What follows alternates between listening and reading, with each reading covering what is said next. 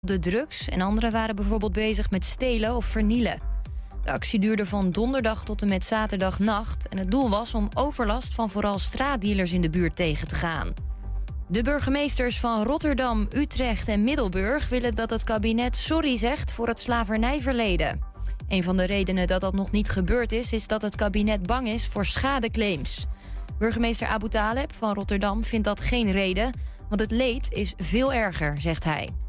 Er is een gevangenisstraf van 17 jaar geëist tegen een man uit Assen die bekend heeft dat hij zijn vriendin heeft gewurgd. Hij roofde ook haar geld en verborg haar lichaam in een autodakkoffer, die hij twee jaar later in een kanaal dumpte. Een paar dagen later werd hij opgepakt en hij gaf toe dat hij de dader was.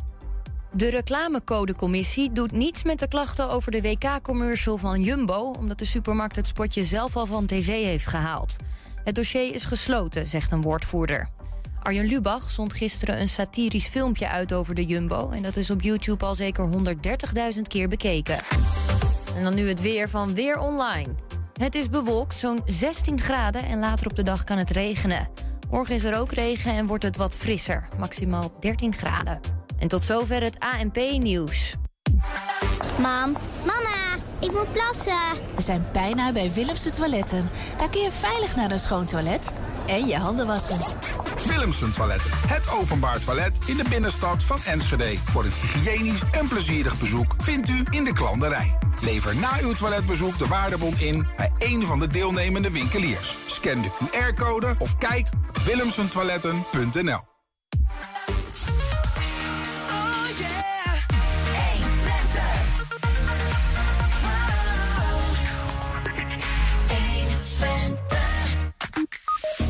Universiteit Twente en Radboud Universiteit in Nijmegen gaan onderzoek doen. Het onderwerp hoe de overheid beter lessen kan trekken uit rampen zoals de vuurwerkramp in Culemborg en Enschede. Ja, onder invloed van lachgas achter het stuur gaan zitten blijkt regelmatig geen goed idee. We vragen de hengeloos of ze bij zo iemand in de auto zouden willen zitten. Een goede bestelknop in een webshop is belangrijker dan je wellicht zou denken. Sinds kort is de regel dat zo'n knop er op een bepaalde manier moet uitzien. Anders is de koopovereenkomst niet geldig. Wat betekent dat eigenlijk?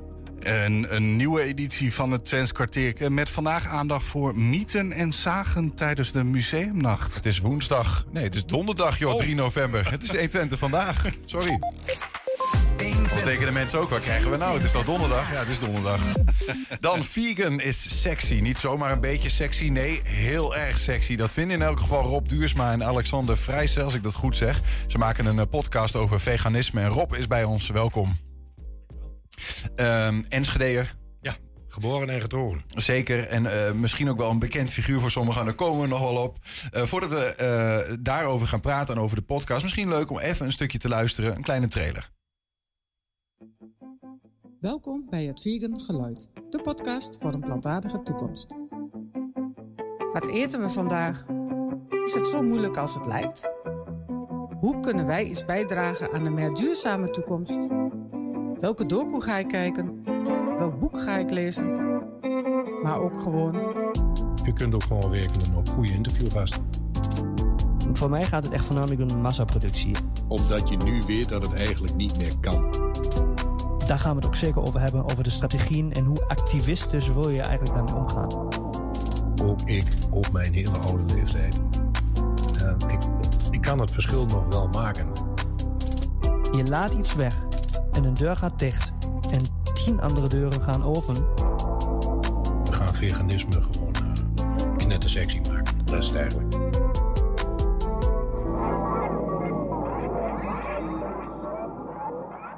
Het maken, dus het, het moet sexier wat dat betreft hoor ik hier. Ja, ja, ja, het moet, moet een stuk sexier, want daar hangt nog steeds een, uh, toch, toch nog steeds hier en daar een, een imago van... Uh, de geitenwollen sokken. En je, je, je hebt ze ongetwijfeld allemaal gehoord. Uh, het wordt beter, moet, moet ik wel zeggen. Mm -hmm. Maar het, het kan echt nog veel, uh, veel sexier. Ja, zeker. Misschien goed om het gesprek ook te beginnen met een definiëring. Want de, dat uh, is soms ook gewoon lastig. V veganisme, je hebt ja. vegetarisch. Um, Flexitarisch, pescatarisch. Wat is veganisme? Waar hebben we het over? Veganisme is heel kort samengevat de ehm, eigenlijk het uitbuiten en of gebruiken van alle dieren en dierlijke producten uh, we gewoon niet meer doen. zeg maar. Dat is, dat is echt in een notendop. Maar dan ook echt alle dierlijke producten. En dan heb ik het niet alleen over het vlees eh, eh, of de vis. Mhm. Maar ook eh, bijvoorbeeld honing, eh, melk, eieren. Honing zelfs? Zelfs honing. Dus eigenlijk alles waar het dier voor gebruikt wordt... eh, om dat voor ons zeg maar gangbaar te maken Mhm. of te produceren... in het geval van honing bijvoorbeeld... eh, dat wil de veganist niet. Ja. Jij Ook- zelf moet wel nuanceren, want niet iedere veganist staat daar hetzelfde in. Maar dat is een beetje de essentie en het begrip veganisme. Ja, precies. Hoe, hoe strak zit je zelf in de leer? Heel strak. Ja? Ja, ja, ja ik eh, wil nul dierlijke producten gebruiken. Dus inclusief de honing. En ja, ik heb zelf bijen achter thuis ook nog. Daar eet ik de honing niet van. Eh, omdat ik vind dat die bij niet voor mij aan het werk hoeft, zeg maar. Waarom Dus- heb je ze? Eh, omdat bijen voor de, voor de hele wereld, voor het hele milieu, voor alles eigenlijk eh, broodnodig zijn. En er zijn er wereldwijd veel te weinig. Maar dat is een hele, hele andere discussie. Ja. En daarom denk ik, als ik mijn steentje bij kan dragen en ik zet een, een mooie kist met, met bijen neer en zorg dat dat volk zijn dingetje doet, dan help ik weer een klein beetje mee. Maar hoe is dat bij jou begonnen? Eh, Had je dat eigenlijk vanaf het begin al? Of ben je langzaam overtuigd geraakt? Hoe werkt dat? Eh, dat is een, eh, een- proces. Ik denk dat voor iedereen een proces is. Bij ons wel eh, geleidelijk gegaan, omdat in onze familie, gezin, moet ik dan zeggen, mijn vrouw, mijn dochter, met heel veel voedselintolerantie zitten. Dus wij zijn echt al jaren, en dan heb ik het ook al, al over twintig jaar, heel anders aan het eten dan heel veel andere mensen. En dan heb ik het niet over beter of slechter, maar eh, anders. Anders. Dus wij kijken altijd al op alle recepturen. Wat zit nu waarin? Dat ben je dan een beetje gewend al. Want daar zit natuurlijk wel een groot deel van de wringende schoen voor sommigen, hè, denk Ja, ik. helemaal goed. Ja. Ja, ja, maar dat is wat ik ook gewoon vaak hoor. Van het is zo moeilijk en het is zo lastig. En oh, ik zou dat nooit kunnen. Dat zijn wel allemaal de klassiekers. Ja. Eh, nou ja, ik ben ervan overtuigd dat iedereen het kan. Het is ook een deel willen. Maar wij hadden in die zin wel de voorsprong dat wij sowieso alles wat wij in de supermarkt in de handen hadden, dat, dat las ik al wat daar allemaal in zat. Omdat mijn vrouw, mijn dochter gewoon heel veel dingen niet konden verdragen. Dus dan moet je ook wel. Ja. Dus dat is al anders. Dan, daar wordt het iets makkelijker van. Als je zo eh, overtuigen bent, zoals jij, hè, van ik, ik wil dat gewoon niet. Ja. ehm, ben je dan ook automatisch... Ja, je maakt een podcast. Word je dan ook automatisch activistisch? Nee, nee eh, daar hebben we zelfs een hele aflevering al over gemaakt. En eh, mijn eh, mede-host Alex, die je net noemde, die, die, is, die staat daar anders in. Die wil, net als ik, heel graag de hele wereld vegan maken. Want dat is een beetje ons doel, zeg maar. Utopie, maar het is een doel. Ehm, en ik ben van ons twee wel misschien de meest activistische. Ehm, ook omdat je, eh, er zijn veel groepen. Eh, Anonymous for the Voiceless, dat is een hele grote, wereldwijd ook trouwens. En dat zijn mensen die gaan de straat op met de beelden van de slachthuizen. En eh, nou, daar schiet iedereen van in de stuip als ze dat zien, zeg maar. Dat is een manier, goed of slecht, Ja. kun je weer wat van vinden. Ik hoor iets meer bij die richting, zeg maar. Want ik, ik ben wel iets meer van, laat nou maar gewoon duidelijk zien wat er gebeurt. En dat vinden mensen niet leuk, dat weet ik Mhm. ook. Maar dat kan ook een trigger zijn. En Alex En is juist het daarin- negatieve beeld van, eh, van wel dierengebruik eh, te laten zien. Ja, ja, en bij de een werkt dat heel goed. Want meestal is het van, oh, maar dat wist ik helemaal niet. De meeste mensen weten en zien ook niet wat er bijvoorbeeld in een slachthuis gebeurt. Willen dat ook niet zien. En als ze er dan op welke manier in één keer mee geconfronteerd worden, dan kan er maar zo'n knopje omgaan. Maar goed, nou, dat is bij iedereen verschillend. Dat werkt Ja. ook niet voor iedereen. Ja. Maar die, die groep heb je, maar je hebt ook een groep, neem ik aan, die laat zien van zo, zo mooi kan het zijn om het. Precies, precies. En in onze podcast proberen wij eigenlijk eh, iedereen daarop aan te spreken. En middels eigenlijk allerlei soorten gesprekken de, de mooie dingen te laten zien, maar ook zeker wel de negatieve kant. Ja. En ja, ik, ik weet nog steeds niet de gouden regel van hoe ik nu iemand. Eh, Zou moeten overtuigen. Zou moeten overtuigen. Ik bedoel, ik kan nu met jou in gesprek zijn. En wat wij eh, proberen, eigenlijk met iedere podcast, ehm, is om mensen te inspireren. Dus niet zozeer te chockeren. En als nodig is, doe ik dat ook, want ik schrik daar niet van. Ja. Ehm, maar dat werkt, dat werkt lang niet altijd. Dus ik, Maar ja, uiteindelijk eh, zou, je kunnen zeggen, we zijn ook onderdeel van een voedselketen. En, en nou ja, wij eten elkaar, om het zo maar te zeggen, als species? Of is dat...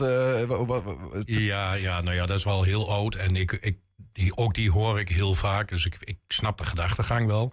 Alleen is dat natuurlijk in de evolutie al lang niet meer zo. En ik zie bij ons in de supermarkt ook niemand echt met een speertje lopen uh, om, uh, om te jagen op dat varkentje. Hoeveel maar niet meer. We zijn er te slim voor eigenlijk. Uh, nou ja, eh, wij zijn ook doorgeëvolueerd. En wij hoeven niet meer op jacht voor dat, voor dat stukje vlees. Ja. en inmiddels is alles overal wereldwijd ehm, te verkrijgen.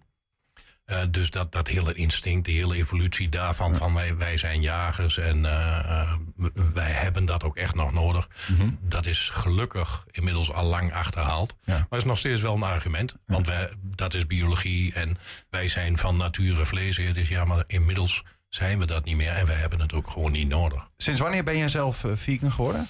Een aantal jaren nu. Ehm, en ik, ik moet erbij zeggen, ik had eigenlijk al heel weinig uh, vlees, vis en al dat soort dingen. Mede door uh, wat ik net al aangaf. Mm -hmm.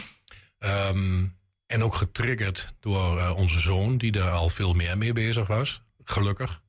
maar ook veel meer met het milieu. En dan ga je toch nog weer wat dieper nadenken. Niet alleen maar over het eten, maar van wat, wat ben ik nu aan het doen en wat voor impact heeft dit dan nu op, ja. op de wereld en op het milieu waar we nu in zitten. En als je daar dan wat meer in gaat verdiepen, en zo zit ik dan wel in elkaar, dan duik ik er ook gewoon direct helemaal in. Ja. Ik kijk al die docu's en daar word je heel, heel verdrietig van in het begin. Ook, uh, een beetje, maar ook heel overtuigd misschien uh, wel. Een beetje cynisch en in mijn geval ook ja. heel erg overtuigd. Ja.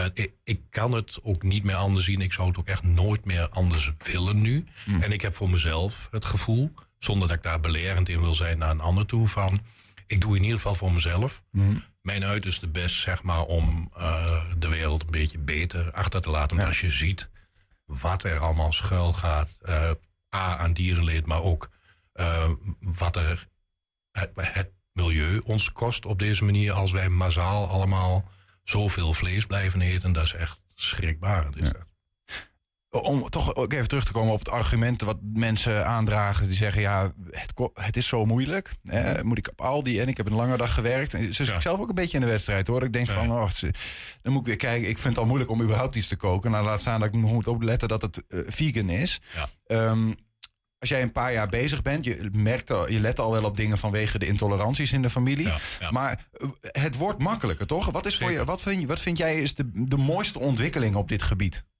Uh, de mooiste ontwikkeling is voor de mensen die allemaal denken dat het zo moeilijk is. En dat zijn er echt wel heel veel. Uh, de mooiste ontwikkeling daarin is dat uh, er steeds meer in de supermarkt te verkrijgen is. Zelfs kant-en-klaar maaltijden die al voor je bedacht zijn. Dus dan hoef jij daar niet meer over na te denken van hoe, hoe wat ingewikkeld is het allemaal. Mm -hmm. um, en de producten worden echt steeds beter. Dus het heeft de laatste jaren ook uh, qua productontwikkeling echt een enorme vaart genomen. En dat is, en dat is te gek. Ja, de biefstuk die niet meer van echt te onderscheiden is, uh, uh, bij wijze van. Ja, ook die wordt steeds beter. Um, er zijn ook nog dingen die, die, waarvan ik zelf ook denk van ja, nou... Moet dat nou? Laat maar, ja, ik ja. hoef het niet. En daarbij ben ik ook wel een veganist die niet, niet zozeer altijd in plaats van dat stukje vlees nu die vervangen moet hebben. Ja. Want dat is ook, ook een mindset dingetje. Ja. Want zo zijn we namelijk allemaal opgegroeid, uh, aardappel, groente, vlees. Ja. En ja, maar goed, dat dan... is wel om die groep waar jij het over hebt, om die, die over de streep te trekken, die nog in die schemerzone zit. Of ja, die, dat is helemaal waar. Um, als zal er altijd denk ik een groep blijven die zeggen, ja nee, moet gewoon, ik moet vlees hebben. Ja. Ik, uh, ja, nou ja. Ja, nou ja, en dat moet een, daar kun je dan heel lang over discussiëren. Ik vind van niet en niemand anders vindt van wel. Dat, is, dat, is, dat, dat wordt bijna religie, wordt het dan? Uh, ja, nou, ik probeer dat niet. Uh, maar dat, dat kan en ik wil ja. daar wel voor oppassen. Ik, ik wil ook niet de preachy vegan worden. En aan de andere kant, ik heb wel een podcast om mensen te overtuigen. Maar ja. vandaar ook dat ik zeg van ik probeer dat met, met inspireren en met, met mooie gerechten. Omdat er veel mensen zijn die denken dat het heel moeilijk is. En dat hoeft helemaal niet. Maar wat, wat is, wat is tot nu toe het mooiste gesprek of het meest, wat heeft je het meest geraakt in die, in die podcast wat je hebt ge gemaakt? Uh, dan moet ik er uh, echt bij zeggen, want ik heb ook met, uh, met Alex al, al, eerder een podcast gedaan met een heel ander onderwerp. En nu wij bij Alex is ook, uh, ook veganist, vol veganist ook. Um, eigenlijk iedere aflevering die wij maken, maken wij als vrienden en in gesprek met elkaar. En daar komt dan wat moois uit. We bedenken wel voor die tijd een topic. Ja. Dus die, die- ik vind ze echt oprecht allemaal mooi als ik ze terugluister. Dat, dat klinkt misschien een beetje raar nu Ja, dat ik mijn kan. eigen podcast te gek vind. Eh, super sexy ook trouwens. Ja. Ehm, maar ik, ik, al die gesprekken die zijn mij gewoon waardevol. En als je dan ziet van de luisteraar wat je terugkrijgt aan, aan eh, vragen ook. En er wordt steeds meer op gereageerd. Dan denk ik van nou ja, we, we doen iets goed. Mhm. Dus dat vind ik heel fijn. En we zijn echt jongsleden begonnen met eh, interviews. Want we hebben het eerst altijd met z'n tweetjes Ja, gedaan. om iemand erbij te halen. Eh, dat was onze vorige podcastserie, was dat ook. Hadden we altijd een gast. Zoals jullie hier nu doen. Ehm, doen wij nu ook weer. Ehm, en dan één keer in de zoveel, dan doen we een interviewtje tussendoor. En daar hebben we, ehm, die staat al online. met de productontwikkelaar van Westland Kaas. Ik weet niet, ja, eh, van Maaslanden en Ja. Old Amsterdam. Ja. Die zijn nu ook heel erg de vegan kant aan het opgaan. Omdat ook zo'n groot bedrijf wel ziet van... hé luister, er moet wel wat gebeuren. Eh, dus daar ben ik heel erg blij mee. En als je dan ziet die productontwikkelaar met zijn sprankelende oogjes... eh, die, die, die daar gewoon echt super enthousiast van wordt. En dan het product is nu op de markt, ligt volgens mij sinds vorige week. Vegan kaas. Vegan kaas, de Wild Westland. eh, een samenwerking met Doos Vegan Cowboys van de vegetarische slager. Nou, Ja. Daar heeft volgens mij iedereen inmiddels van gehoord. Ehm, en die is heel erg goed gelukt, kan ik je melden. En Ja. als mensen dan zeggen van... nou, ik wil toch dat plakje kaas op de tosti, maar ik wil vegan gaan. Nou ja, dat, Ja. dan is dat wat te gek is. En dat heeft mij in die zin ook heel erg geraakt. Omdat ehm, als dit doorgaat... want zij willen de hele koe uit de schakel halen, zeg maar. Mhm. Dus dat de koe niet meer nodig is om de melk te produceren... maar dat willen ze mechanisch gaan doen. Als dat lukt, dan heb je dat stukje dierenleed wat er dan tussen zit. eh, waar veel mensen ook geen benul van hebben trouwens hoor. Maar ook die zuivelindustrie is niet zo fijn. Ehm, als je dat over kunt slaan... en dan toch te gekke kaas kunt uitserveren... nou, denk van ja, dat Er, er is hoop. Eh, dat klinkt er dan uit. Voor jou. eh, als is- mij iets geraakt heeft. En daarbij, en dat is heel positief, die kaasboer, die hoeft feitelijk niets aan zijn hele proces te veranderen. Dus die kan de koetjes gewoon eh, lekker in de wei laten lopen en, en hun dingetje laten doen. Ja. Mhm. En die kan nog steeds zijn kaas maken, maar dan zonder dat die koe gemolken moet worden en zwanger gemaakt en, Ja, en ja. alle ellende eromheen. Zeg maar. Ehm, we moeten bijna gaan afsluiten, Rob. Maar het, het lijkt me leuk om een- nog één ding met je aan te snijden. Want voor mensen die zeggen, van, eh, die gasten, ik weet niet, ik kom me bekend voor. Eh, je staat wel eens in een eh, winkel in Enschede genaamd Bekels en Beans. Ben je uitbater van? Ja. Ehm, is dat ook helemaal vegan eigenlijk? Nee, dat is een hele goede vraag. En eh, ehm, dat is er eentje waar ik zelf dagelijks mee bezig ben. En ik gaf in het voorgesprekje net al aan dat wij de enige eigenlijk in Nederland zijn die eigenlijk de hele standaard bagels en beans kaart die de mensen kennen van bagels en beans nagenoeg helemaal eh, veganistisch aan kunnen bieden. Dat mogen wij ook, moet ik er wel bij zijn. Want het gebeurt natuurlijk, het is franchise, dus het gebeurt Ja. allemaal in overleg. Ja. Eh, en het feit dat wij dat mogen, omdat het hoofdkantoor ook wel ziet dat wij dat goed doen. ehm, dat maakt het voor mij ook wel een stuk prettiger. Want ik, ik ben in Bagels en Beans ook nog steeds. Ik verkoop daar tonijn en nou ja, je kent het dan. En de ham en de bacon. En daar krijg ik stiekem wel steeds meer last van. Want dat is ook zo'n dingetje dat Ja, dat snap ik. Maar, jij kunt dus als uitbater in Enschede... be- nou ja, met jouw inborst, als we die hier wel horen... kunnen we verwachten dat het de komende jaren misschien wel eh, helemaal vegan zal gaan. Ik, eh, toevallig zijn we nog niet zo lang geleden weer bij het hoofdkantoor geweest en over de menu, eh, menukaart gehad. En ze nemen eigenlijk onze feedback altijd heel erg ter harte.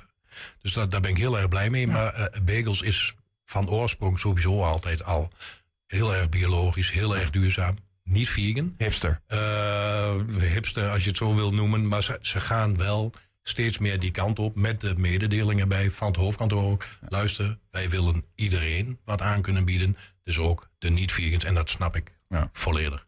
Maar ze gaan heel erg die kant op. Eh, Rob, eh, de- je- we moeten nog één ding aan je vragen. Dat is, hoe heet de podcast?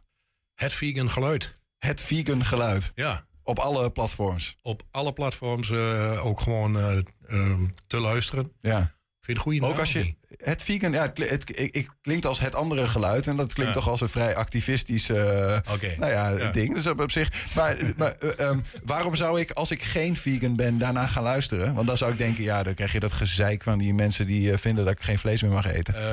ja, dat zou je kunnen denken. Dat is een beetje een klassieke mindset volgens mij van de niet-vegan. Omdat ze zichzelf dan misschien aangevallen zouden kunnen voelen. Maar gewoon omdat de podcast iedereen aanspreekt. En mensen die er al mee spelen of veel als zeggen van ik, ik, ik eet toch al iets minder vlees. Uh, om geïnspireerd te raken of om gewoon uh, twee, uh, twee leuke gasten met elkaar te horen kletsen. Want we proberen het ook wel een beetje luchtig en met humor te houden. Ja. Dus als je dat leuk vindt, dan vooral luisteren, denk ik. Mooi. Dank dat jij als een van die gasten even bij ons ook wilde aanschuiven om Heel te vertellen. Rob Duursma, het vegan geluid dus. Zometeen een goede bestelknop in een webshop is belangrijker dan je wellicht zou denken. Sinds kort is de regel dat zo'n knop er op een bepaalde manier uit moet zien. Anders is de koopovereenkomst niet geldig. Wij zijn ook als podcast te vinden. Dat is ongelooflijk. Ja, op alle bekende platforms vind je ons 120 vandaag voor de hele uitzendingen. En we hebben ook een kanaal met allemaal losgeknipte items. En die heet 120 vandaag uitgelicht. Zijn, zijn geen rivalen, dus niet zometeen beginnen met slaan, hè? 120. 120 vandaag. Ja, onder invloed van lachgas achter het stuur gaan zitten is natuurlijk geen goed idee. Toch gebeurt het nog te vaak, met soms verschrikkelijke ongelukken tot gevolg. Wij gingen in Hengelo de straat op om aan mensen te vragen of zij bij iemand in de auto zouden stappen die onder invloed van lachgas is. Heb jij uh, enige ervaring met lachgasballonnen? Uh, ik heb het één keer gedaan of zo. Nee, ik niet. Ja, wel. Ja, hier en daar wel wat, ja. Hoe vaak doe je het ongeveer? Uh, het was geen vaste bezigheid. Ik was een paar keer naar een feestje gegaan in grote randsteden. En toen, ja, daar heb ik wel gedaan. En toen heb ik wel ja, achter de bar daar wat gekocht. Eén keertje maar. Eén keer? Ja, dat was maar de eerste keer en laatste keer. Waarom laatste keer? Uh, ik besefte wel dat het echt heel slecht was. Na de eerste keer gebruiken, toen had ik het al direct door van het is heel verkeerd. En jij? Ik heb het nooit gebruikt, nee. Nee, ik heb het nooit gebruikt. En ik vind het ook treurig en uh, volgens mij is het heel slecht voor je. Nee, het is echt niks voor mij. En ben je een beetje bewust van de gevaren dat lachgas met zich meebrengt? Nou, dat hoeft niet, want ik gebruik het niet. Maar het schijnt heel slecht te zijn voor je hersenen. Ik ben uh, een jaar verslaafd eraan geweest. Oh jeetje, dat is uh, best wel heftig. Ja, klopt. Nee, eigenlijk niet. Ken je mensen die het doen? Um, nee. Ja, dat wel. Ja. En wat vinden jullie daarvan? Ja, het is hun keuze. Ik, vind niet, ik zou het zelf nooit doen, maar het is hun keuze. Mm, ja, een beetje hetzelfde antwoord als wat jij zegt. Uh, nee, ik ben er zelf ook niet voorstander van of zo. Nou ja, het gaat over uh, mensen die met lachgas op achter, de, uh, achter het stuur gaan zitten in de auto. Wat vind je daarvan? Ja, ik vind dat best wel heftig. Uh, je kan er echt een zwaar ongeluk mee krijgen. En een vriend van mij heeft daar ook een zwaar ongeluk mee gekregen. En uh, ja, is nu verlamd aan, uh, aan, een deel van zijn lichaam. Dus ja, ik vind dat wel heftig als mensen dat doen. Maar ik kan er eigenlijk niks van zeggen, want ik heb het zelf ook gedaan. Die mag je van mij direct het rijbewijs afpakken. Ja.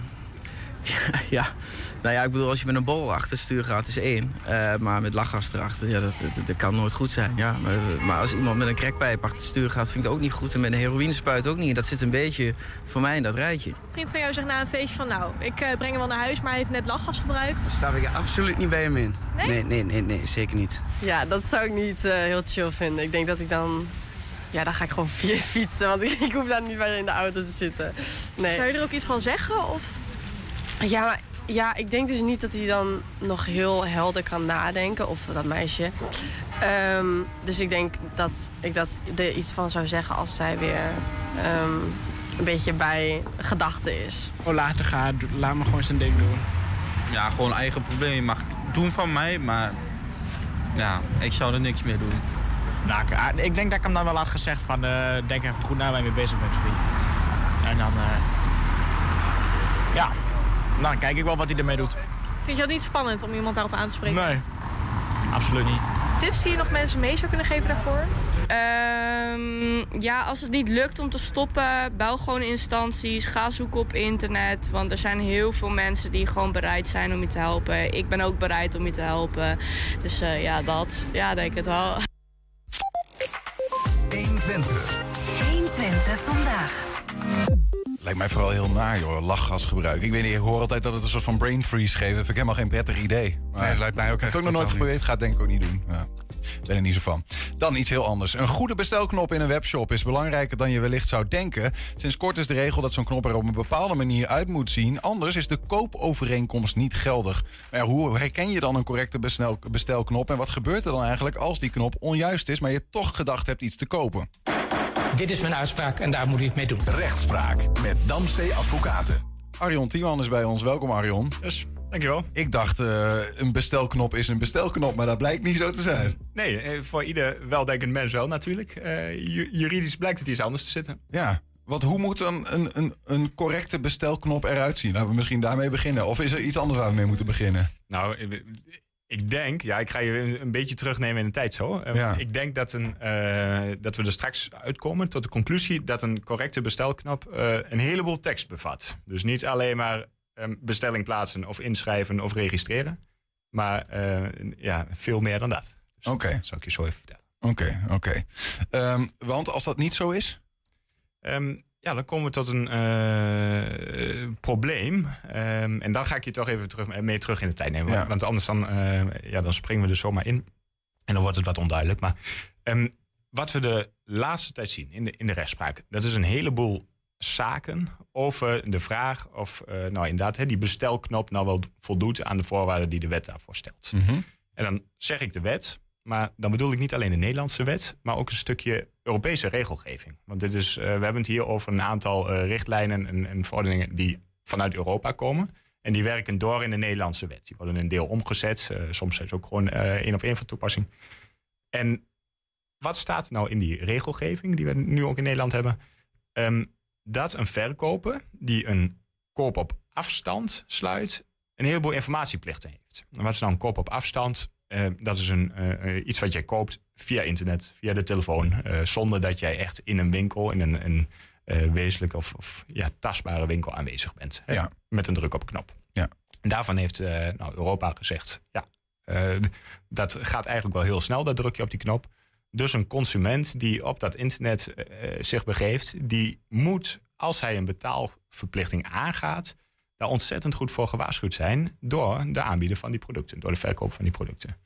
En dan kun je allerlei knopjes verzinnen. Bijvoorbeeld, eh, je ziet vaak registreer of ga naar winkelmandje, ehm, bestelling plaatsen zelfs. Ehm, en dat lijken allemaal knoppen te zijn waar nu stuk voor stuk een kruis door wordt gezet. Omdat de rechter zegt, ja maar daaruit vloeit niet één op één voort, althans niet altijd, ehm, dat de consument een betalingsverplichting aangaat.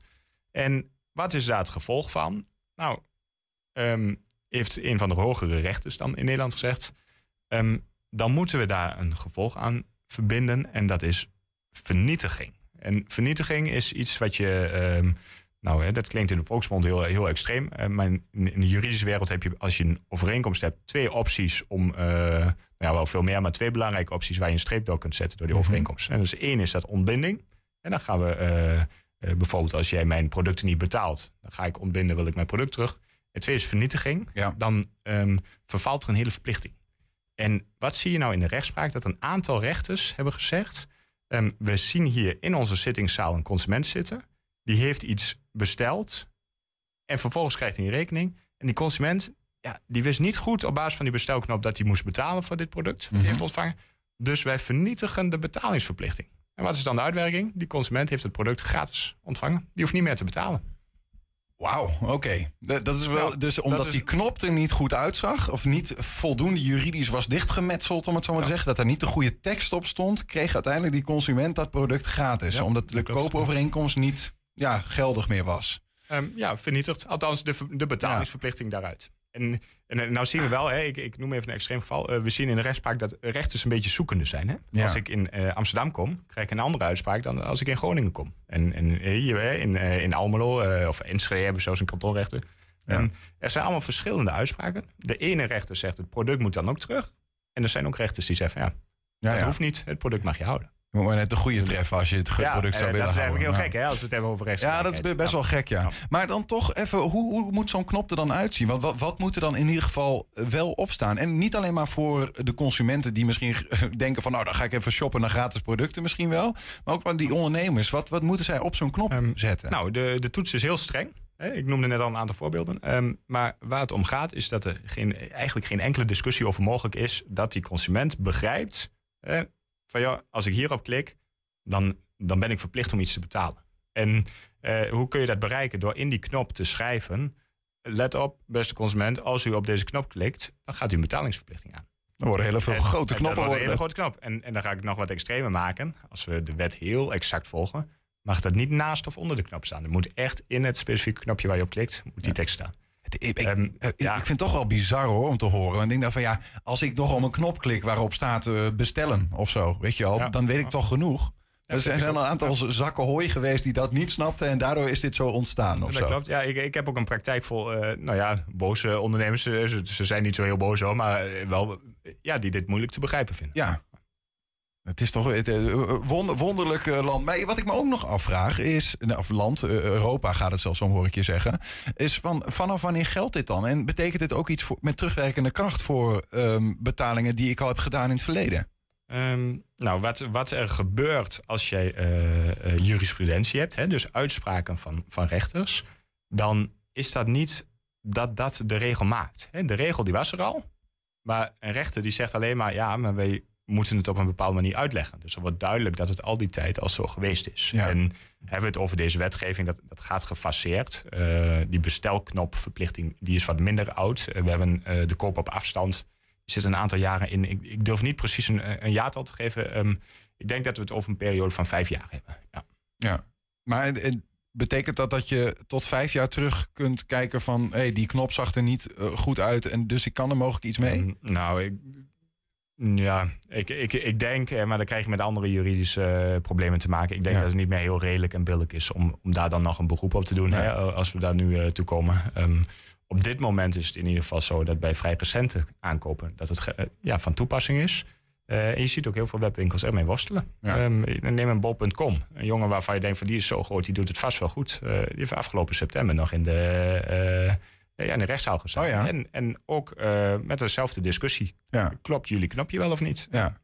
Ja, want eh, ja, goed, ik begrijp zelfs dat het, dat het ook nog niet helemaal ehm, vaststaat wat er dan precies op zo'n knop moet. Het is in, in heel Europa moet dit.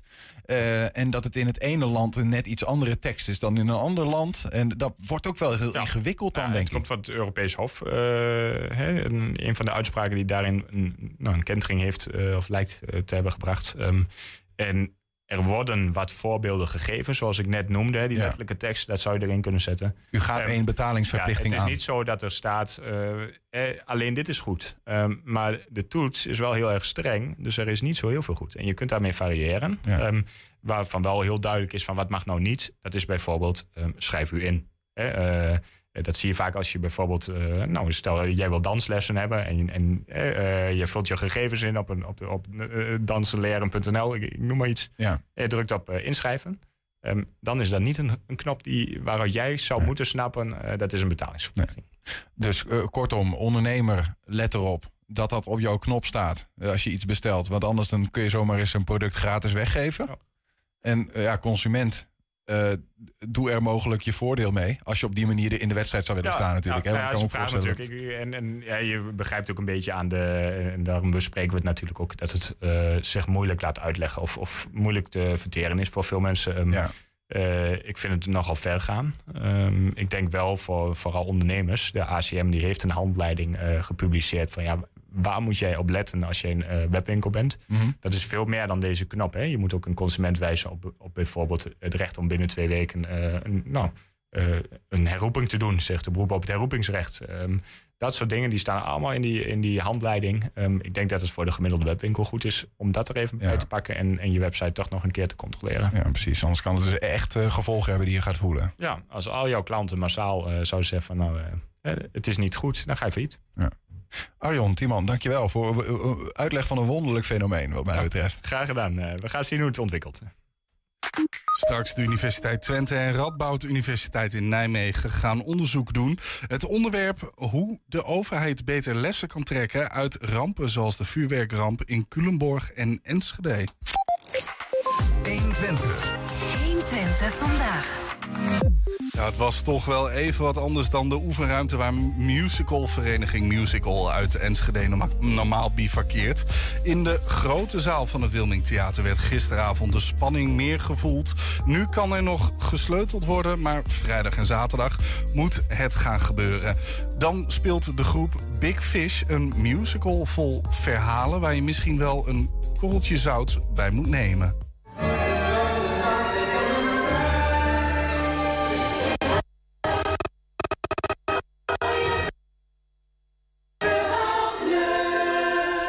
Over eh, Edward Bloom. Edward Bloom is, is een, eh,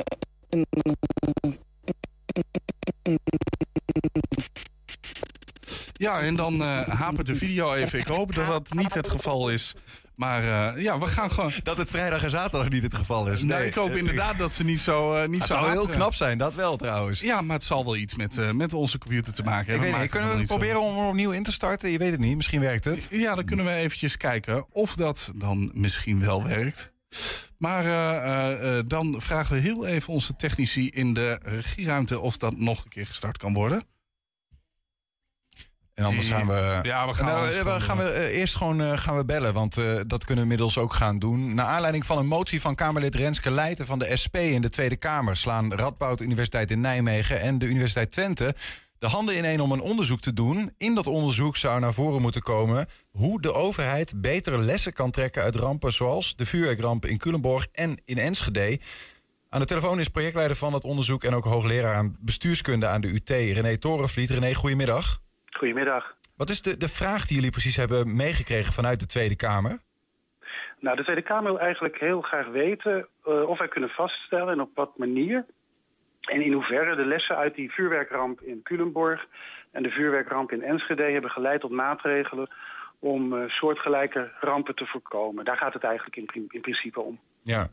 Eh, Nou begreep ik ook dat de, de verantwoordelijkheidsvraag... die in Enschede natuurlijk altijd nog heel erg speelt... Hè? Ja. hoe is het nou gekomen en wie, ja, wie heeft er feitelijk schuld... dat die niet wordt eh, gesteld in het onderzoek. Nee, wij eh, gaan niet in op de, op de schuldvraag.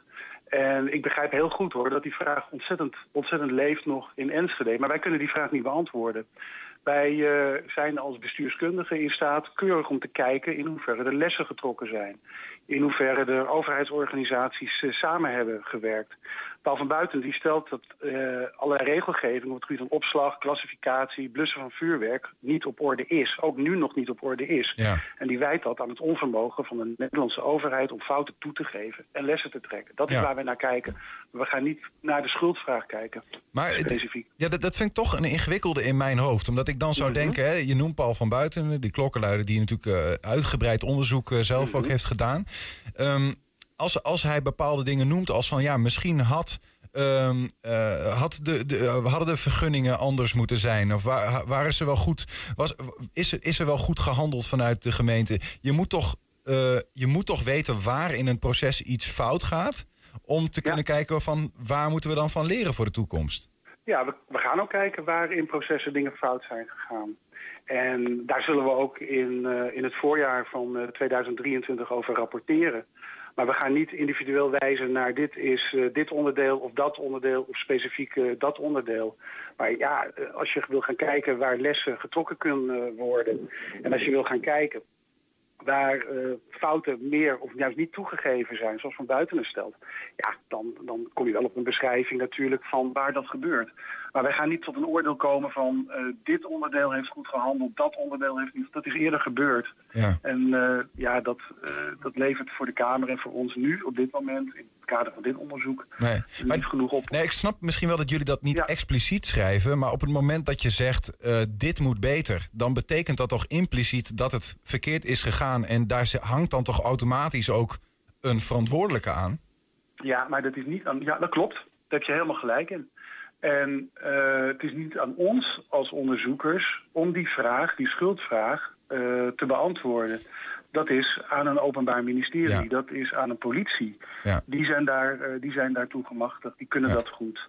Maar begrijp ik dan goed dat hij niet expliciet wordt beantwoord, maar dat hij wel mogelijk, naar aanleiding van jullie onderzoek, dat er weer vragen kunnen oprijzen over van ja, maar wat betekent dit dan voor die verantwoordelijkheidsvraag? Kijk, het is, heel, het, is, het is heel simpel. Als er ergens geen lessen getrokken zijn die wel hadden moeten, getrokken moeten worden, kunnen worden, ja, dan kan dat bepaalde, tot bepaalde interpretatie en uitspraken leiden. Ja. Maar nogmaals, we gaan niet, we gaan niet Nee. specifiek kijken naar wat de aparte onderdelen eh, hebben gedaan of hebben nagelaten. Ja. Eh, eh, hoe gaan jullie dit onderzoek uitvoeren, René?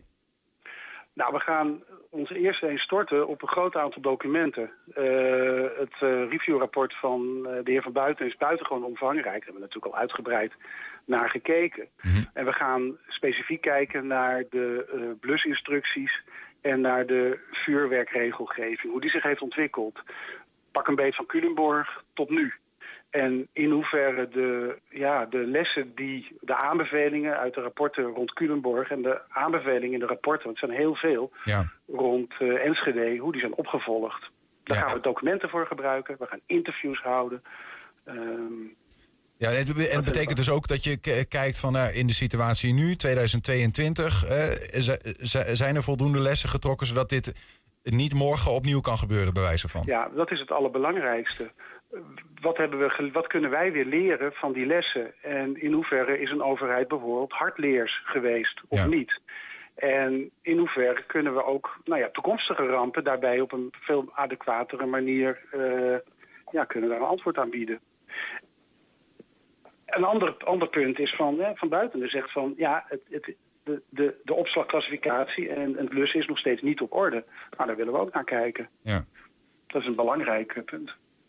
Ja, ik, ik, ik, ik, ik, vind, ik vind het toch ingewikkeld. Want we hebben hier aan tafel bijvoorbeeld wel eens een meneer gehad... die zat in Ja. het onderzoeksteam, van, eh, in het tolteam van de politierecherche. Die, die zegt zelf, ik ben gewoon kalt gesteld. Ik ben eh, door eh, de overheid uiteindelijk aan de kant gezet.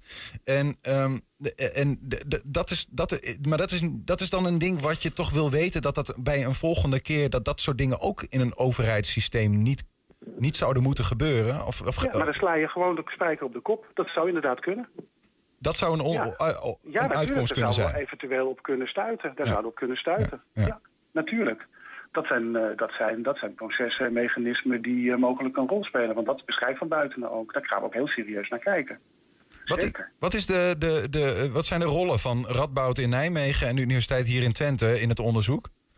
Nou, dat is heel mooi. Eh, op Radboud is heel veel eh, ervaring en kennis opgebouwd op het gebied van besturen van veiligheid.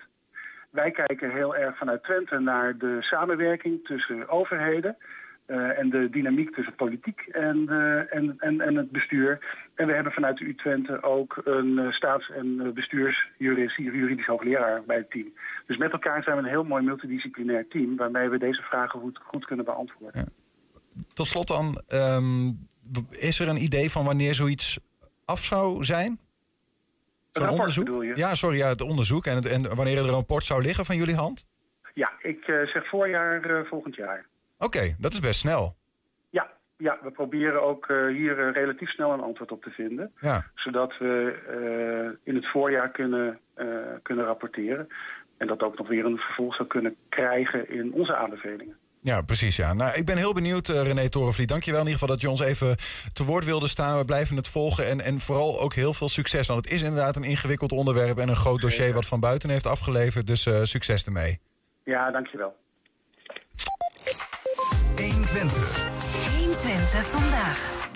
Ja, zoals we net al zeiden, gaan we de video gewoon nog een keer proberen van Big Fish, wat aankomend weekend in Enschede speelt. Gaat over eh, Edward Bloom. Edward Bloom is een, een, een, een verhalenverteller met heel veel fantasie. En op zijn sterfbed komen al zijn verhalen, al zijn avonturen nog één keer voorbij. En nou is de vraag, gaat Wil, zijn zoon, de waarheid achter zijn vader ontdekken of niet? We zijn er bijna klaar voor. Vanavond hebben we nog een muzikale repetitie met het grote orkest en het combo. Morgenavond hebben we een generale repetitie, kap, kleding, griem, alles erop en eraan.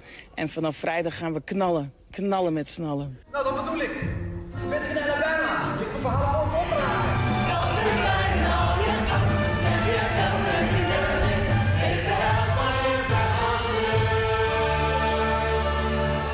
dan ook een aantal eh, jonge acteurs nodig. Daarvoor zijn audities eh, uitgeschreven. En we hebben de drie eh, nemen we mee in onze avontuurlijke reis van Big Fish. Waar bleef je nou? Je zou komen kijken naar mijn wedstrijd. Oma, oma, we zagen net de grootste vis van de hele wereld. Zo groot als een auto. Hey jongens, die musical, hè, die gaat over een man die misschien soms wel de verhalen van zijn leven, wat hij heeft meegemaakt, iets groter heeft gemaakt dan dat daadwerkelijk was. Doen jullie dat ook wel eens? Beetje. Oh ja, wanneer? Mm, ja, als ik met, eh, bij mijn eh, broertje, dan maak ik hem allerlei rare dingen wijs. Ze doen het geweldig, echt. Het is ontzettend leuk om met hun hier op dit toneel te staan. Ze zijn zichzelf, maar toch dat stukje fantasie nemen zij ook met zich mee. Je gaat dus voor het eerst oefenen in het grote theater. De laatste keer zaten we in het Cotton Park te oefenen. Maar dat was wat krapper. Maar nu zitten we echt in een heel groot theater. Het leukste is werken met de mensen. En dan, als acteren betekent van, goh, hoe zou het zijn als ik een bepaald personage zou zijn? Als je mensen daarmee kan helpen. En op een gegeven moment valt het kwartje en is het, oh ja, dit is wie dat personage is. En dat ze dan net wat groter, net wat voller, net wat leuker met je energie kunnen spelen. Ja, dat is mooi als je daarbij kan helpen. Is dat helemaal gelukt wat jou betreft? Tuurlijk. Absoluut. Nee, echt serieus. De, de, de- het is, die kwartjesmomenten die zie je. Die zie je bij spelers. En bij de ene is het kwartje groter dan bij het andere. Maar ook hier zien we dat zeker. En ik heb zin in om het eindresultaat te zien. Nog een andere bijzonderheid is dat jullie vrijdag met, ik begreep, twee sign dancers en een gebarentolk spelen. Wat betekent dat? Ja, dat klopt. Dat, eh, wij willen ook graag die doelgroep bereiken. En we hebben daar ook eh, een sponsor voor bereid gevonden. Muziektolk hoort erbij. En we hebben dus een gebarentolk. Een gebarentolk praat alleen maar met de handen en het gezicht. En een sign dancer, die gaat ook het ritme erbij eh, in bewegen. Zodat het ook heel erg geschikt is voor doven en slechthorenden. Leidt dat niet af voor de rest van het publiek? Ik denk in het begin kan het eventjes leuk zijn om daarnaar te kijken. Maar ik ben ervan overtuigd dat we zo'n mooie productie neerzetten... dat de aandacht echt wel door onze spelers wordt getrokken. Nou, het is gewoon een geweldig gave musical. En er zit heel veel fantasie in. Eh, ze heeft een mooie verhaallijn, hele mooie aanstekelijke liedjes. Het is vooral heel leuk en heel erg fantasievol. Als je houdt van musical, als je houdt van een grote productie... als je een orkest een keer wil horen spelen bij zo'n productie... want vergis je niet, in heel vaak zijn dat dure producties. Denk aan een opera of whatever. En hier is het, is het betaalbaar, toegankelijk. En, en er zijn ook nog kaarten, dus ja, kom kijken. Kom, kijken!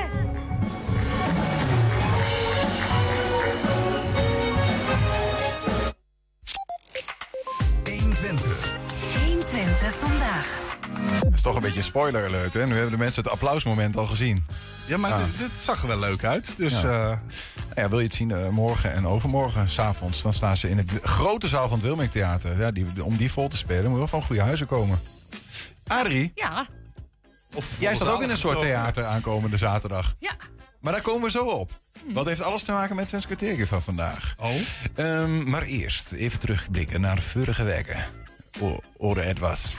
Nee, daar, daar heb je goed zeggen. Ja. Vorige week. Zeg je mooi. Neem ons even met. Want je leert ons altijd woorden. Hè? Voor degenen die dit niet kennen, je leert ons Twentse woorden. Vorige Ja. week weer vier nieuwe woorden. En die gaan we nu Ja. even doornemen. Ja, nou, dat klopt. Eh driepuul Ja. was het eerste woord. Hè. Dat is angsthaas.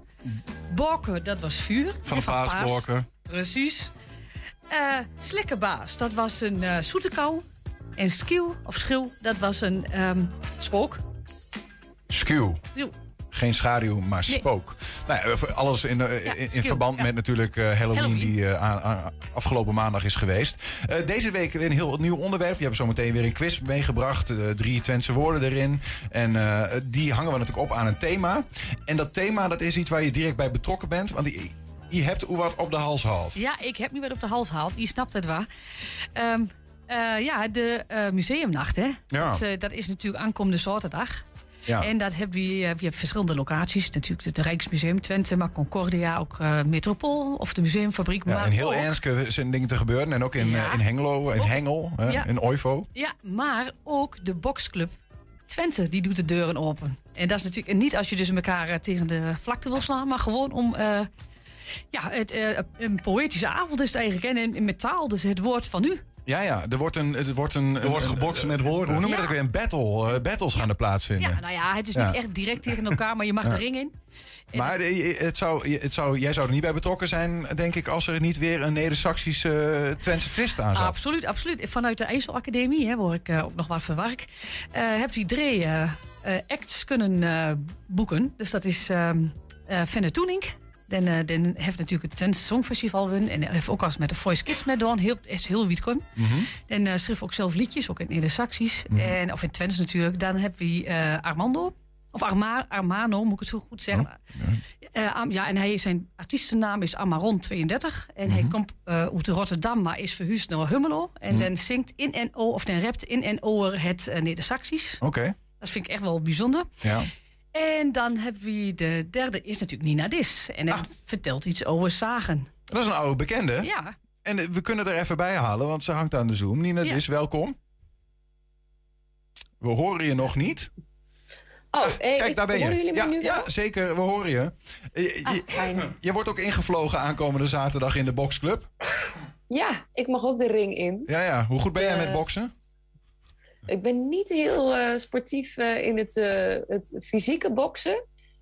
Maar ik denk dat ik wel redelijk een potje kan vechten met mijn woorden misschien. Ja, precies. Des te beter in het verhalen vertellen. Hebben we de vorige keer natuurlijk meegekregen. Toen zat je hier omdat je Twentse zagen en legenden ging vertellen. Zo ergens op verschillende plekken in de regio. Wat, ga je aankomen, wat ga ik aankomende zaterdag dan doen?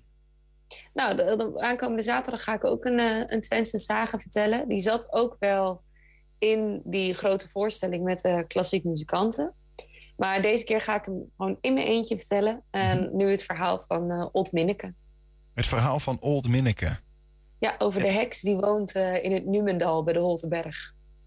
Ik, ben benieuwd om heel kort zoiets over die heks te horen. Maar ik vraag me dan toch af, ook misschien wel aan jou, Adrie. Hoe, hoe wordt dit dan een battle?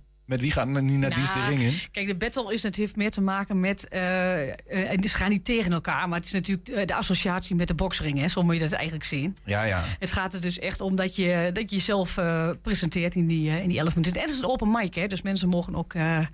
ja, niet tijdens het, het vertellen reageren, maar wel na die tijd. Ja. Dus ja, het is natuurlijk niet tegen elkaar battelen, maar wij vonden gewoon het. Maar je kunt wel juichen voor wie je het best Ja, vindt dat een verhaal zeker. vertelt, om het zo ja, te precies. zeggen. Het gaat een beetje over eh, van. En in de blue corner. kunnen woorden ook eh, nou ja, reacties op, opwekken natuurlijk. Daar gaat het een beetje om natuurlijk. Hè. De- Ja. die, die, die, dat Old Minneke, dat, eh, wat betekent eigenlijk Old Minneke? Zeg ik in één keer, eh, een oude heks? Oud mannetje, zo Eh, klinkt het? Nou, ik denk dat het komt van meken. Misschien, zeg maar, het Twentse woord meken. Meisje, mei- ja, Een denk ik. Ja. Meisje, volgens mij betekent. ja. Volgens mij is het daarvan afgeleid. Ja, ja. En- Want eh, in het verhaal zit ook een spreuk. En met die spreuk zou je haar moeten kunnen afweren. En dat is old minneke, old minneke, doe gewoon niet met. Ik heb mijn zinnen en midden op een ander meken gezet. Dus dan... ik heb mijn zinnen op ik een ander meisje daar, gezet. eh, een beetje een verbastering Ja, ja. En begrijp Ja. ik dan ook goed, ja, zonder al te veel weg te geven, dat Old Minneke een, een soort van eh, dingen doet die zeemeerminnen doen bijvoorbeeld? Wat, wat, wat, wat, wat is ongeveer het verhaal? Ja, zonder iets weg te geven, is Nou, lastig natuurlijk. Zij eh, staat er bekend om dat zij wonen in een kuil in het Numendal. En zij leiden, verleiden jonge boerenzoons om in haar kuil mee te komen. Mhm. En als ze dat deden, als ze een nacht met haar doorbrachten, dan kreeg ze zoveel goud als dat ze konden dragen. Maar als ze dat deden, dan hadden ze ook meteen een deal gemaakt met haar. En het was dat ze dan één keer in de zeven dagen moesten ze dan nog een nacht met haar doorbrengen. En iedere nacht die je, haar, die je met haar doorbracht, nam ze eigenlijk een stukje van je ziel weg, totdat er niks meer overblijft van je. En de jonge boerenzoons die deden dat, zodat ze het, het goud konden gebruiken als een bruidschat voor het meisje wat ze echt wilden trouwen. Waar komen dit soort verhalen vandaan, eh, Nina Dis? Weet jij dat? Ja, ik heb het weer ergens gevonden. En ik, ik ga dan soms een beetje de, de websites af of eh, de verhalenboeken in. En eh, dit vond ik dan als een echt een, een Twentse zagen, een Twents verhaal op een, eh, op een website. En toen ben ik er nog meer onderzoek naar gaan doen. Heb ik wat versies gevonden. Ehm, met mensen gesproken die het verhaal ook kenden. En daar weer versies van gehoord. En dan maak ik zo, dan bouw ik zo bij elkaar mijn eigen ver- versie, mijn eigen verhaal daarvan. Ja. Is dat ook, ook hoe uiteindelijk zo'n zagen eh, tot stand komt? Is dat, is dat ooit, eh, is er iets voorgevallen waar, wat weer doorverteld wordt, wat weer doorverteld wordt, waardoor een verhaal op een gegeven moment een wat rare twist krijgt met heksen en dat soort dingen? Of hoe, hoe- ja. Ja, ik denk eh, verhalen ontstaan sowieso doordat het wordt doorverteld. En je kan het een beetje zien als eh, zo'n doorfluisterverhaal. Dat je dan eh, telkens elkaar een verhaal moet doorfluisteren op een bepaalde zin. Zo'n zo'n spelletje wat ze dan doen in de kleuterklas bijvoorbeeld. Ja. En elke keer als, dat, als die zin wordt doorverteld, is hij net wat anders. En zo is het natuurlijk ook met een heel verhaal. Dat als jij een verhaal vertelt, iemand anders die denkt: Oh, leuk verhaal, maar hè, eh, van die. eh, ik, ik maak dit en dit doe ik net een beetje anders. En dan is die weer een beetje anders. En dan zo ontstaat het dan door de jaren heen. Ontstaat dat eh, door mensen met veel creativiteit. Ja, en, eh, nou ja, blijkbaar inderdaad. mensen die willen luisteren daarnaar.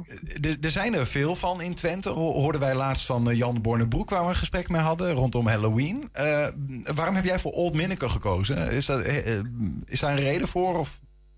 Ja, ik vind het verhaal, eh, zonder al te veel misschien te verklappen.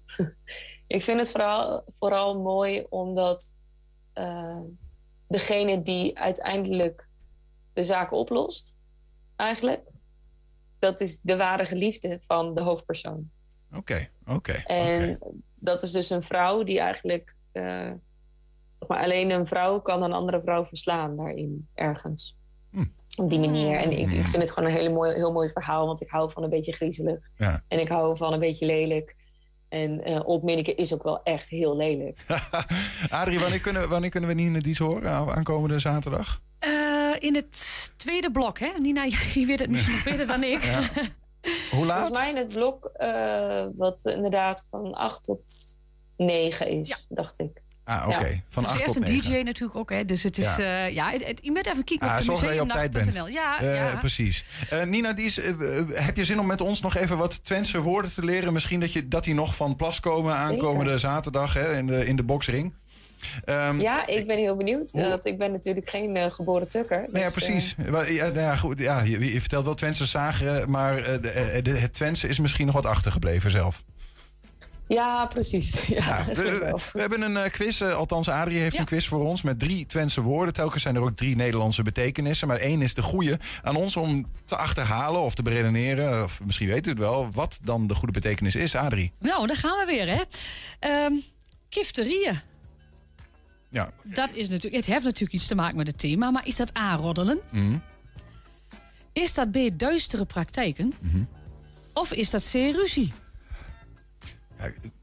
Ja, kift, kifterieën zit het woord kift in. Dat is het Nederlands woord. Ik heb kift met iemand.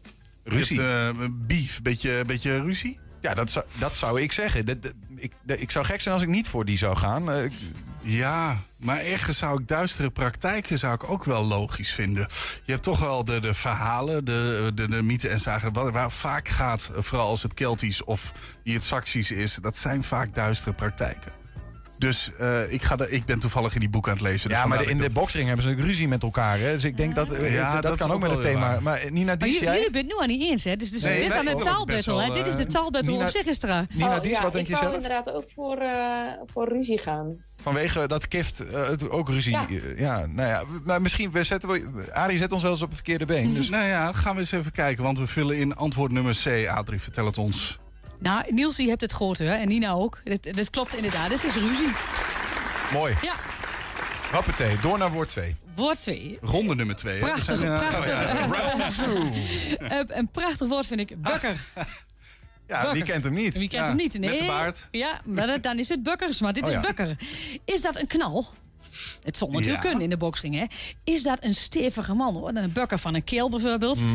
Of is het de pineut? Weet je, hij krijgt gewoon... eh, hij is de bok, hij krijgt een knal eh, tegen de vlakte. Je weet, hoe heet dat ook Het- alweer? Knock-out, hè? Knockout, knockout Ja. slaan. Ja, ja, ja, het is, eh, Hendrik Jan Bukkers is wel een stevige man. Ja, ik, dat, dat is dus waar ik ook op uit zou gaan. Maar hij zou die naam wel, eh, want ik weet dat hij niet zo heet. Ja, ja, dat was zo. Oh, Oké. Ja, zeker. Oh, dan, dan heb ik een foutje. Volgens mij het gewoon, eh, is, is Bukkers ook zijn achternaam. Hendrik Jan Bukkers, ja. uit het geslacht Ja. Bukkers. Bukkers, ja. Ja, Oet Oortmasker van vroeger. Eh, ja, zou ik toch voor stevige man gaan. Eh, toch wel. Ja. Ja, ik vind C goed. het logisch, maar ja, eh, soms is het niet allemaal logisch. Ja, dat is Nina heb jij nog een, iets in de melk te brokkelen in deze? Eh, ik denk misschien wel stevige man. Omdat bukkers eh, van het beuken sterk. Ja, mooi. Beuken. Stevige Zoiets. man. Beuken. Bukkers. Bukker, moeten we zeggen. Ja, ik weet niet. Ik vind Bok, eh, de pineut. Hè, ik moet even denken aan die ondernemer die bij aan de Groningse straat woonde. En zei, het is kloten met de bok. Ja, Ja, die- en je- en die, je die hebt- vond het niet, die, vond, die vond het niet cool. Ja. Die vond dat hij de pineut was. Dus ik zou daar dan voor gaan. Ik weet niet waarom. Maar we vullen dan in antwoord nummer C. Er is maar één goed aan. Ja, dat is er maar één goed. En dat is? Ja, dat is toch eigenlijk waar B. Je moet op een gevoel afgaan. Hè? Dat is wel, wel helemaal verleerd, maar... eh, Ja, nou, er is maar eentje die nu twee punten heeft. En die komt niet hier uit eh, Twente. Ja, maar, maar, ik ook niet, jij wel. Dus naar eigenlijk... mij luisteren. Ja, ja ik- volgende keer ga ik gewoon met jou mee, blindelings, eh, Nina Dies. Eh, we hebben nog eentje. Ja, wie hebt er nog in? En ik Oh. weet niet of het in eraan komt. Ja, een rapschuttel. Dat klinkt als een gerecht wat je s'nachts na een paar pilsjes ophaalt. eh een rapschotel. Nou, je moet dus even... Is dat A, een sloerie? Ja, niet netjes. Is dat B, een dagmenu? Of is dat C, een kopstoot? Ja, Ja. Het kan- Rapschuttel. Een rapschuttel. Sloerie, dagmenu, kopstoot. ja. Ja, en ze zeggen altijd met je eerste ingeving... Nee, dat, dat zal het vast niet zijn. En ik weet dat jij hier heel veel lol op hebt gehad. Maar ja, wat, wat is het dan wel? Want ja, dat is nu de vraag. Hè. Het, het, het, het, een beetje taalgevoel, of niet? Ja, ik kan hier echt geen chocola van maken. Eh, Totaal niet. Nee, het klinkt inderdaad wel een beetje als dagschotel. Maar, maar wat heeft dat dan weer met een eh, b- met de museumnacht of met de kickboxclub, eh, met de boxclub? Nou, omdat je misschien een, je krijgt eh, heel veel eh, eh, ja, mensen op, eh, op, op je menu wat je, wat je uiteindelijk gaat kijken. Ik denk, dat het, ik denk dat het met Old Minneke te maken heeft. In één keer krijg ik een ingeving. En dan zou het Minnik sloer, is wel een beetje een, eh beetje een sloerie. beetje een sloerie. En maar waarom dat Ja, dan met een al Ja, dit is ook een soort schotel waar je op kan gaan liggen. Rap eroverheen. En... Ja, rap. ja, ja, ja, ja. Zoiets. Nou, ik vul A in. Vullen wij in antwoord nummer A, A3. Nou, keels. Wacht even, stop. Oh. Want we hebben, ja, ik heb nog geen antwoord van jou en van Nina Dies gehoord. Toch? Ik dacht dat we als collectief gingen. Oh, en Nina Dies ook mee eens dan? Ja, voor de, voor de leuk zul ik wel inderdaad voor A willen gaan. Ja. Ja, en dan denk ik toch dat het dan C is. Ja, je moet één kiezen. Ja. Nou, dan ga ik, ga ik wel mee met A. Oké, we gaan allemaal invullen sloerie. Gaan we allemaal de boot in? Of gaan we Adrie. blijven varen? Je hebt het allemaal gehoord. Echt? Ja, waar het vandaan komt, ik denk, eh, eh, nou ja, misschien rap, met misschien wel snel eh, ehm, into the, ja. de fun of zo, wat weet ik ervan. Dat is natuurlijk geen trends, maar eh, scha- schattel is in ieder geval Duits, hè? En dat betekent? Ja, dat betekent sloerie, slet. eh, Oh, ja. ja, dat Ah. komt vanuit Duits. Dat stond in het woordenboek. Ik heb het ook opgezocht. Dus ehm, het komt van. Duits. Nog nooit van gehoord. Maar in Nee, nou ja, ik ook niet. Maar ik vind het ook niet echt een... een nieuwe term. Mocht je, iemand, eh, mocht je het leuk vinden om iemand zo te noemen, rapschuttel. Dan heb je ook eh, Ja, is weer wat anders dan keg, hè? Ja, precies. ja. Eh, we hebben nog één woord te gaan. Daar gaan wij straks misschien wat over zeggen. Maar eerst de mensen in Enschede. Dat is het woord van de week. Ik denk motorzaag B. Motorzaag? Ja. Ik denk A. A? Dwars liggen? Ja. Kierenwiet. Kierenwiet? Ja. Ik denk A. A, dwars liggen. En jij? Ik denk ook A. Motorzaag. Motorzaag? Ja. Ik denk A. A? Ja. Dwars liggen. Ik denk motorzaag. Ik denk B. B? Motorzaag? Ja? Motorzaag, geen Motorzaag? idee. Ja. En jij? ook wel. Motorzaag. Motorzaag? En waarom denk je dat? Gewoon, dat klinkt zo. Dat is het eerste wat, eh, wat opkomt, motorzaag. Gewoon lawaai, knetterbiel. Knetter is lawaai. En biel, ja, is een soort zaag, ja. Dat is het eerste waar u aan denkt uh, het woord. ja, precies. Gewoon uh, knetterbielen, ja, is echt iets. Dat denk je als eerste Ja, aan, ja. eh, Omdat knetter het geluid. Dus op die manier. En motorzaag geluid. Geen idee. Komt er als eerste je op? Ja. Jou? ook geen idee. Het woordje knetterbiel. Ja, ik heb verschillende antwoorden gehoord. Het eh, ging nog best wel een beetje eh, her en der verschillende antwoorden. Dwarsliggen heb ik een paar keer gehoor- gehoord. Motorzaag en kierenwiet. Ja, toch de meeste dachten motorzaag.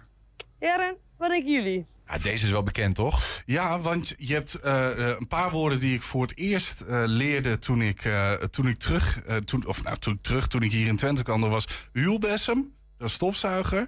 Je had, eh, hoe heet die, de kuierdrood, de telefoon en eh knetterbiel. En dat is ketting, maar hier, ja, motorzaag. Ik dacht altijd dat kettingzaag was, maar De motorzaag. biel is volgens mij van de bijl. En Ja. het is een bijl die knettert. En bijl hak je een boom mee om. En een, en een motorzaag doe je het ongeveer hetzelfde mee. Nina, Dies, kende jij dit woord? Nee, nog nooit van gehoord. Is wel een mooie, toch? Ja, ik vind hem wel leuk. Knetterbiel. Dan pak je even de knetterbiel uit de, Ja. uit de schuur. Nou, misschien kun je die nog ergens in je, in je verhaal over, eh over Old Minneke verwerken. Maar, we, maar, maar, maar, maar we zeggen nu de hele tijd dat we het al, al goed hebben. Mhm. Maar we, we, we denken ook allemaal hetzelfde. Ja, officieel moet het antwoord nog horen van Bo, hè? Ja. Maar laat maar doen. Ja, het antwoord is B, motorzaag. Ik hoop dat jullie het weer goed hadden. Kijk. As easy as one, two, three. Huppatee. Ehm, maar dat betekent gewoon, Nina Dies heeft gewoon vier punten uit vier gehaald. Heel goed gedaan. Ik weet, natuurlijk wel- ik, ik weet wel wat ik inhuur natuurlijk, hè, of programmeer. Hè. Zo, zo is maar. En eh, nou ja, aankomende zaterdag kun je haar live zien eh, bij Het Woord is Nu. Zo heet het eh, onderdeel Ja. bij de Boxclub. Tijdens de museumnacht in Enschede vanaf 7 uur s'avonds tot middernacht. Verschillende optredens de hele avond door. Nina Dies is te zien in blok 1. Dat is van kwart over acht tot kwart over negen. Het hele programma van de museumnacht in Enschede is te vinden op museumnachtenschede.nl. Adrie, dankjewel. en Nina Dies, ook heel erg bedankt voor het meedoen. Heel veel plezier aan ehm, veel power. eh, hoe heet dat in het Twents? Veel, veel kracht. Veel kracht. Veel, Eh, oh, nu vroeg je me wat. veel eh, Is dit, is dit het moment dat we allemaal stilvallen? Ja, dat heb ik nog niet heel vaak gehad. Ik ik hier helemaal over nadenken. Ja. Wat, wat veel power... eh Geef ze een poffert. Geef ze de poffert op. Nee, Ja, ik de heb geen idee. ik kom Nou, er even niet op. we weten wat we- Gordeveur. Gardeveur. Gordeveur, ja. Aankomende zaterdag. Kop de veur is dat? Gastenbie, Kop de gastenbie en veur. gordeveur. Gastenbie, de kop de bie, de kop Ja. de veur. Ja. En raap een beetje. Zoiets. Dankjewel. Dank jullie wel. Doei. En daarmee zijn we ook aan het einde gekomen van 120 vandaag. Terugkijken, dat kan direct via 120.nl en vanavond om 8 en 10 op televisie te zien. Wil je ook nog genieten van een soort zagen? Ga dan lekker luisteren naar Henk Ketting met de kettingreactie. Tot morgen. 120. Weet wat er speelt in Twente. Met nu het nieuws van 5 uur. Goedemiddag, ik ben Eva Vloon. De kinderopvang wordt volgend jaar flink duurder, meldt RTL Nieuws. Ouders gaan soms wel 40% meer betalen vanwege personeelstekorten en hoge prijzen. Daar komt bij dat de kinderopvangtoeslag voor komend jaar al lang is